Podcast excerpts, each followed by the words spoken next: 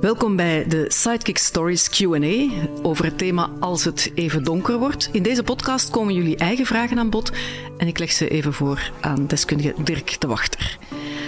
Er is een leerling mij komen vragen. Ik ben er altijd voor heel veel vrienden en ik doe dat ook graag een luisterend oor zijn, maar ik voel mij soms overbelast, zeker in combinatie met mijn eigen problemen. Wat kan ik daaraan doen? Was de vraag. Dat is een goede vraag. Hè? Wel, erg belangrijk is om te begrenzen ook. Hè? En uh, goede zelfzorg, dat is u niet te laten overrompelen. En zelf ook voldoende input te krijgen. Dat, dat, ja, ik kan dat niet concreet maken, weer niet. Maar het feit dat die vraag gesteld wordt, is al een hele goede zaak. Dat iemand zich bewust is van het feit dat dat ook wat te veel kan zijn. En dat, dat heel vaak crashen mensen en zeggen ze dan, ja, nu heb ik ingezien dat het eigenlijk te veel was. Dus die vraag stellen is eigenlijk al een heel gezonde reflex. Hè. Begrenzen dus. Begrenzen, ja. begrenzen. En zien dat je er niet alleen voor staat, dat ook andere mensen kunnen ingeschakeld worden. Zo, ja, het is een goede vraag. Ik ben soms ook overbelast, laat dat eh, duidelijk zijn. Ja, ja, En dan nog podcasts en alles erbij. Het is soms veel. Ik ga geen schuldgevoel krijgen, sorry. ik ga mij geen schuldgevoel laten aanpraten. Ik ben heel blij dat je hier bent. Roos vraagt, als een van je ouders een mentale kwetsbaarheid heeft, hoe waarschijnlijk is het dan dat je het zelf niet hebt of wel hebt? Ja, dat hangt daar van de mentale kwetsbaarheid af. De genetica van psychiatrische problemen is zeer complex. Hè? En er zijn heel ernstige psychiatrische problemen zoals schizofrenie of uh, bipolaire stoornissen, waar een heel duidelijke uh, genetische component is. Dat gaat dan vaak over 50% overerving, hè, waar nog altijd 50% niet is natuurlijk. Hè. Maar als het gaat over nu moet ik toch diagnostische dingen zeggen over bijvoorbeeld uh, borderline persoonlijkheidsproblemen. Dan is die erfelijkheid veel ingewikkelder. Dus daar is ook weer geen, algemene, geen algemeen antwoord op te geven. Maar het is een verstandige vraag. Het speelt wel. Hè? En eigenlijk raad ik dan aan, en ik probeer dat zelf ook te doen, om mensen met een patiënten hè, met een psychische kwetsbaarheid, om daar de familie ook altijd bij te betrekken en de kinderen en die dingen ook bespreekbaar te maken.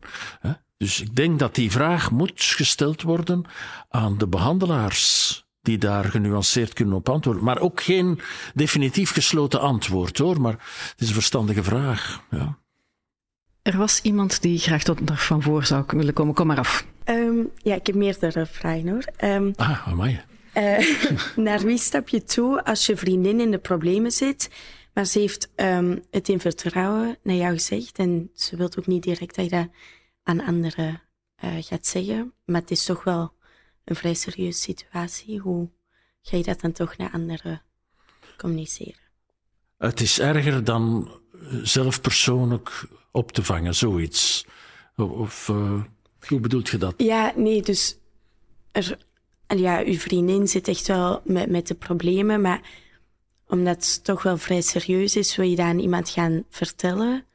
Maar je weet niet hoe je dat ja, toch aan iemand anders wel, kunt vertellen. Proberen in de gesprekken haar of hem aan te zetten om hulp te zoeken en zelf te vragen, kan ik toch zelf ook niet daar iemand bij betrekken? Ja. Hè? Dat in gesprek brengen, hè?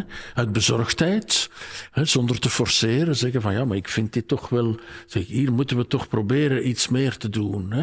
Kan ik daar toch niet over spreken met die, of aan haar of hem ook te zeggen van, uh, spreek daar toch met iemand, want ik kan dat niet alleen, ik ben ook maar een gewone student, een gewone leerling. Hè? Hoe, ik, daar moet het toch, en, en dat in gesprek brengen. Dat in gesprek brengen, denk ik. Ja? Dank je wel. Um, hoe moet je omgaan um, met leerlingen die het uh, lastig vinden om, ja, dit dan vooral in de leerkracht hun plek, die het lastig vinden om uh, vooraan de klas te staan om een presentatie te geven? Of... Ja, dat is ook een goede vraag. Eh, daar, daar, daar, ik ben toch ook niet van oordeel, maar er zijn misschien collega's die het anders zeggen, om dan te zeggen, ja, dan moet, dan moet dat niet en dan moeten dat maar laten. Ik denk dat op een goed ondersteunde en uh, liefdevolle manier mensen toch proberen daartoe te motiveren dat dat ook, we noemen dat in de psychiatrie exposure, hè, dat dat ook therapeutisch kan werken, dat mensen toch die drempel overwinnen en dan zien dat dat eigenlijk wel gaat en dan eigenlijk een stap vooruit komen. Hè. Dus ik bedoel, dat we ook moeten opletten om niet alles alleen maar met de mantel der liefde te bedekken en dan mensen te ontzien en, enzovoort. Er mag wel wat stimulans zijn. Hè? Dus ik zou er eigenlijk nogal voor zijn om dat goed ondersteund en, enzovoort, om, dat toch, om mensen daar toch toe aan te zetten. Ja. Zeker in een kunstschool, waar dat soort uh, situaties wel zal voorkomen. Ja, hè? Sommige, ja, ja. Uh, sommige leerkrachten zeggen dan eerder dat ook uh, in privé momenten kan, dus dat niet heel de klas erbij is. Vindt u dat dan een goede oplossing daarvoor? Ja, bedoel, wees creatief daarin. Hè. Een kleiner groepje of, of met, met, met anderen samen of, enzovoort. Allee, maar niet, ik, ik, wil maar zeggen, het is niet zo zwart-wit. Het is niet ofwel voor de klas en triomferen, ofwel uh, van achter in het hoekje en blijft gij maar zitten. Hè. Dat lijkt mij therapeutisch niet goed ook niet, want dan gaan mensen nog veel meer in hun hoekje blijven zitten. Dus ze moeten ook, de wereld is nu eenmaal af en toe ook wat openbaarlijker. Hè? Dus uh, ja, ondersteunend toch aanzetten tot. Voilà. Oké, dan nog de laatste vraag. Um, indien je je minder goed in je vel zou voelen, hoe laat je dat dan weten aan iemand anders? In gewone contacten, gewoon uh, niet in hulpverlenerscontacten, niet direct in een problematiek sfeer, maar in gewone contacten. Op een avond uh, samen uh, op een kamer luisteren naar wat muziek en dan zeggen van, goh ja, het is toch een beetje raar wat ik kan zeggen, maar ik voel me in, ik pleit daar altijd voor gewonigheid. Hè? Niet te zeer problematiseren, niet te snel naar hulpverleningachtige contacten gaan, maar in, in vertrouwelijkheid en liefst ook in goede gemoedelijke contacten, zoals samen muziek beluisteren en daar dan, naar aanleiding van die veel muziek gaat ook over problematische situaties. Dat is dikwijls een goede aanleiding om te zeggen, ja, ik zit daar eigenlijk ook mee. Wat dat uh, hier allemaal uit zijn botten slaagt. Hè? Ik ben een grote fan van zwangere dat is toch bekend, hè? Ja, nou ja. ja. Dat was het, dank, dank je wel. Iemand die een soortgelijke vraag heeft gesteld, hoe vertel je aan je ouders dat het niet goed gaat? Dat is soms zeer moeilijk. Heeft vaak met die ouders te maken. Uh, ja, via broers en zussen. Uh, aan toch ook altijd misschien mijn leeftijdsgenoten en medeleerlingen vragen van hoe is dat bij jullie thuis en hoe zou jij dat doen enzovoort. Dus ik zou daar wat raad vragen aan anderen ook. Hè. En families zijn, it, it, it takes a village to raise a child, zeg ik altijd. Dus er zijn niet alleen ouders, er is ook wel een liefdevolle tante die gemakkelijker in, uh, in vertrouwen neemt, of een oma enzovoort. Om, uh, er is zo'n wetmatigheid in de psychiatrie die zegt: if you get stuck, enlarge the system. Dus als je vastzit thuis en je kunt met je ouders niet spreken, ja, probeer dan via uitbreiding van het systeem toch hoe zal ik zeggen, uh, loops te maken. Hè? Een grootmoeder, een goede vriendin en zo, om ze onrechtstreeks toch te bereiken. Vaak werkt dat wel. Op een zachte manier dus. Ja, ja, ja. Forceren gaat niet hoor. Met uh, leerlingen niet, maar nog veel minder met ouders eigenlijk. Ja, ouders zijn nog veel lastiger dan leerlingen. Hè? Dat is, ja, dat is uh, toch duidelijk, ja. ja. Ik zie dat er nog iemand is die een vraag heeft. Eh, je mag naar voren komen, ja. Daarnet hadden jullie het over statistieken als het ging om uh, hulpvragen. Maar ik denk dat het niet echt een wonder is dat uh, uh, dat leerlingen niet vaak naar leerkrachten gaan voor uh, hulp. Omdat heel veel leerkrachten niet echt te vertrouwen zijn vaak met deze situaties. Dat is waar, ja, maar daarom zijn we hier, hè? om dat toch een beetje, om die drempel wat te verlagen. Daarom, dat is, ja, ja, dat is waar. Veel leerkrachten hebben ook wel een beetje schrik van al die problemen. Schrik van, ik ga dat niet kunnen oplossen. En mijn belangrijkste boodschap is, ik kan het ook niet oplossen. Het is niet het direct oplossen dat we als doel moeten hebben. Het is in vertrouwen luisteren, stil kunnen zijn, dat de doelstelling moet zijn.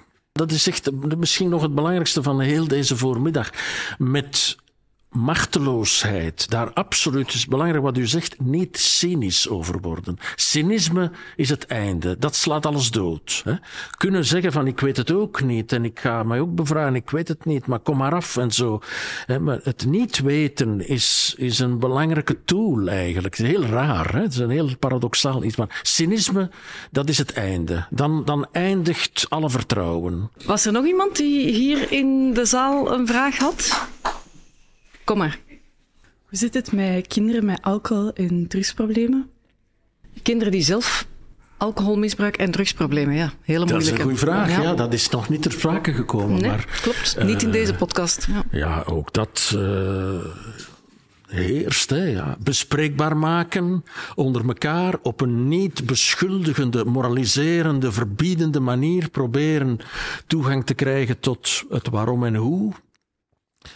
Uh, maar dat is absoluut een groot probleem. Trouwens, niet alleen bij de kinderen, maar ook bij de ouders. Hè. Dat is maatschappelijk een groot probleem. Hoe kunnen we ja, de wereld, de complexe en moeilijke wereld, hanteren zonder middelengebruik? Hè? Maar jij bedoelt iemand in jouw omgeving die gebruikt. Hoe kan ik daar als vriendin mee omgaan? Luisteren, niet oordelen en proberen onder het probleem te gaan. Waarom doen mensen dat? Hè? Dan zeggen ja, gewoon omdat ik dat plezant vind. Hè? Ja, maar, uh, bespreekbaar maken. En dan rolmodellen proberen mee te... Dan, daar komt opnieuw zwangeregie. Zwangeregie heeft meer gebruikt dan wij hier allemaal samen. Hè? En is daarmee gestopt. En kan daar heel goed over vertellen hoe belangrijk dat, dat is en hoe goed dat het is. Komt ook uit een heel moeilijke thuissituatie enzovoort. Dus om, dat soort rolmodellen die voor jonge mensen wil aanspreken, is denk ik een goede, een goed middel om dingen bespreekbaar te maken. Want als een psychiater in een kostuum en prof van de universiteit zegt van, goh, dat is toch een probleem, dan zeggen mensen, ja, voert. Hè? Maar als zwangeregie of ander, andere mensen dat zeggen, dan, uh, dan spreekt dat aan. Hè? En moet je dan misschien ook um, adressen als de sleutel aanreiken of dat soort dingen? Wel ja, dan is het misschien wel belangrijk als het daarover gaat om het ook te verbreden naar meer professionele hulp. Hè? Mm -hmm. Want en daar is nogal wat hulp voor tegenwoordig. Daar, dat, dat, dat in ieder geval bespreekbaar maken. Ja, verbinding maken, blijven. Uh, geloven ook, iemand die, iemand die verslaafd is aan alcohol en drugs kan ver weg zijn. Het is moeilijk om, te, om verbinding te zoeken soms, hè? Ja, ja, maar Allee, niet voor, onmogelijk. voor particulieren, ja, voor leken is toch? dat ja. ook niet onmogelijk. Ja, dat is soms heel paradoxaal. Soms gaan mensen die een beetje gedronken hebben gemakkelijker kunnen spreken dan als ze nuchter zijn en zo. Dat is allemaal heel dubbel zo. Ja. ja. Er was nog iemand met een vraag, hè? Als je nu bijvoorbeeld in afwachting bent voor professionele hulp bij een therapeut of een Ja. psycholoog, De omdat je, weet, uh, omdat je weet dat jouw ouders of jouw vrienden of jouw externe familie jou niet kan helpen in een situatie of niet echt um, de steun geeft die je nodig hebt, wat kun je dan eigenlijk doen om die wachtperiode zo'n beetje meer draagbaar Draaglijk te maken? Ja. Als medeleerling of als Of leerkracht. zelf, voor jezelf.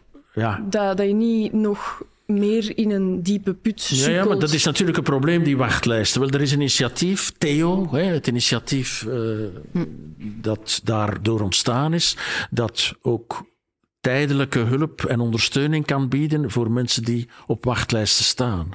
Er zijn nog initiatieven, in, hier weet ik niet in Antwerpen, maar in uh, Leuven is een huis, ik ben daar Peter van ook, van het Wachthuis. En daar kunnen mensen terecht om te gaan spreken die aan het wachten zijn voor een opname vaak. Hè. Want er zijn nog heel lange wachtlijsten enzovoort. Hè. Dus er zijn toch wel wat initiatieven tegenwoordig die die tussenperiode wat kunnen ondersteunen. Het En wachthuis vaak, en dat is heel interessant eigenlijk, is de hulpverlening tegen die wachtperiode ook goed? En is het zo dat dan na verloop van tijd de opname niet meer nodig is. Dat mensen zeggen, maar ik heb eigenlijk nu een goed netwerk kunnen maken enzovoort. Dat, is- dat is interessant hoe dat verbinding zo essentieel is. Mag ik even ook nog een suggestie doen? Ja. Die overkophuizen, omdat u Theo Ja, noemt. Ja. Die overkophuizen die zijn op heel veel plaatsen in het land. Die zijn zeer laagdrempelig. Daar kan je gewoon binnenlopen en iedereen die daar zit heeft issues. Dus daar stellen mensen ook vaak geen vragen. En er is ook professionele hulp als het nodig is. Dus dat is Ja, ook een, ja, ja, een er zijn veel initiatieven. misschien. Want dat is een heel terechte vraag natuurlijk. Hè. Dus het is natuurlijk gewoon belangrijk om contact te houden met Ja, vrienden en ja, het gewoon ja. een beetje aangenaam te houden. Dat is altijd de essentie. Ja, Oké, dank u wel. alsjeblieft. Succes. Hoe reageer je het best als je merkt dat iemand aan zelfverwonding doet? Niet panikeren.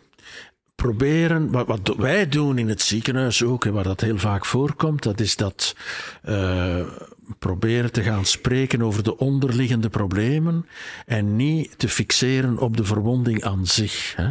Die wordt verzorgd door de huisdokter, hè, gehecht of verzorgd, ik weet niet wat, maar proberen voeling te krijgen met wat daarachter zit natuurlijk, hè, waarom en hoe.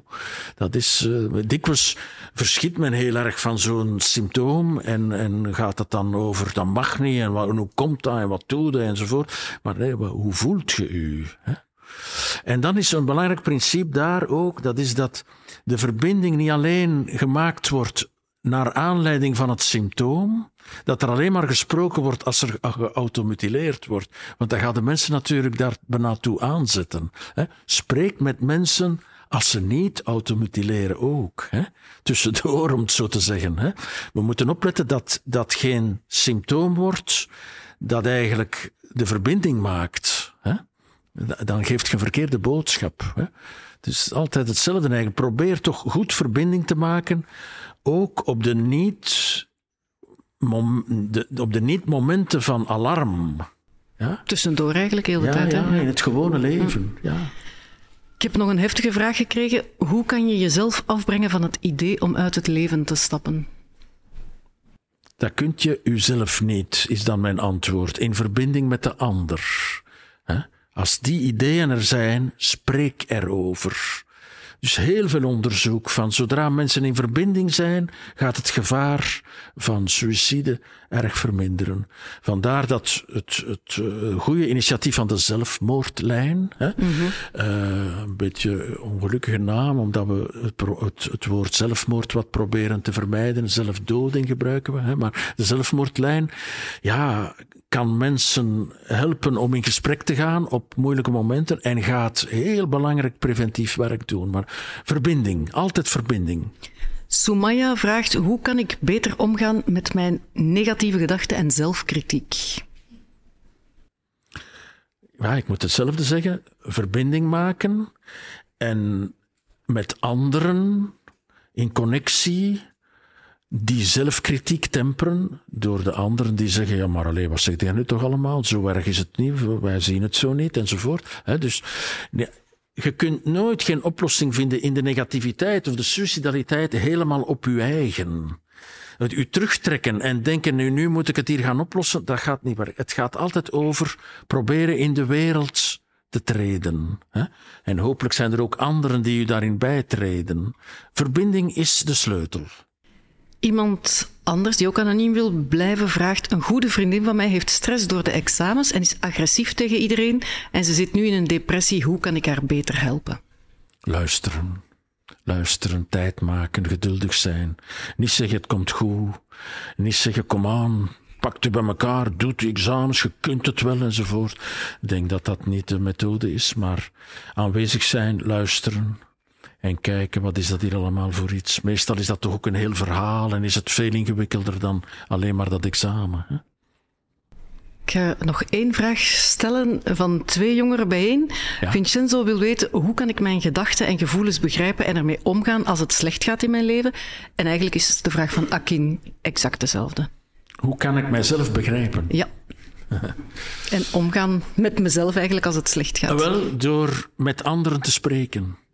En eh, ja, wat ik dus zelf gedaan heb, hè, want dat was dan straks ook de vraag, dat is toch ook wel, eh, ik heb veel, voor mij was de literatuur belangrijk, de muziek belangrijk, dat waren zo manieren om verbinding te maken, ook met anderen, niet in de rechtstreekse zin van het woord, ik denk dat dat wel erg belangrijk is, maar ook onrechtstreeks een verbinding maken met een literair personage, met een, een artiest.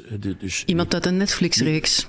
Ja, Zou ook kunnen, ja, Acteur, dus actrice. op die manier toch proberen in de wereld ergens een input te krijgen van zingeving en, en eh, ja, zien, ik ben niet alleen met die lastigheden, dat is eigen aan het bestaan. Hoe kunnen we daarin, daar hebben nog mensen mee geworsteld, hoe hebben zij dat gedaan? Op die manier, hè? ja. Ik ga toch nog even meegeven. Wie vragen heeft over zelfdoding kan terecht op het gratis nummer 1813 en op zelfmoord1813.be. Dank u wel, Dirk de Wachter, om uw kennis te delen over als het even donker wordt met de Sidekick Sam Academy. En dank ook aan het Sint-Lucas, ehm, Sint-Lucas hier in Antwerpen dat onze podcaststudio hier mocht staan. Dank jullie wel.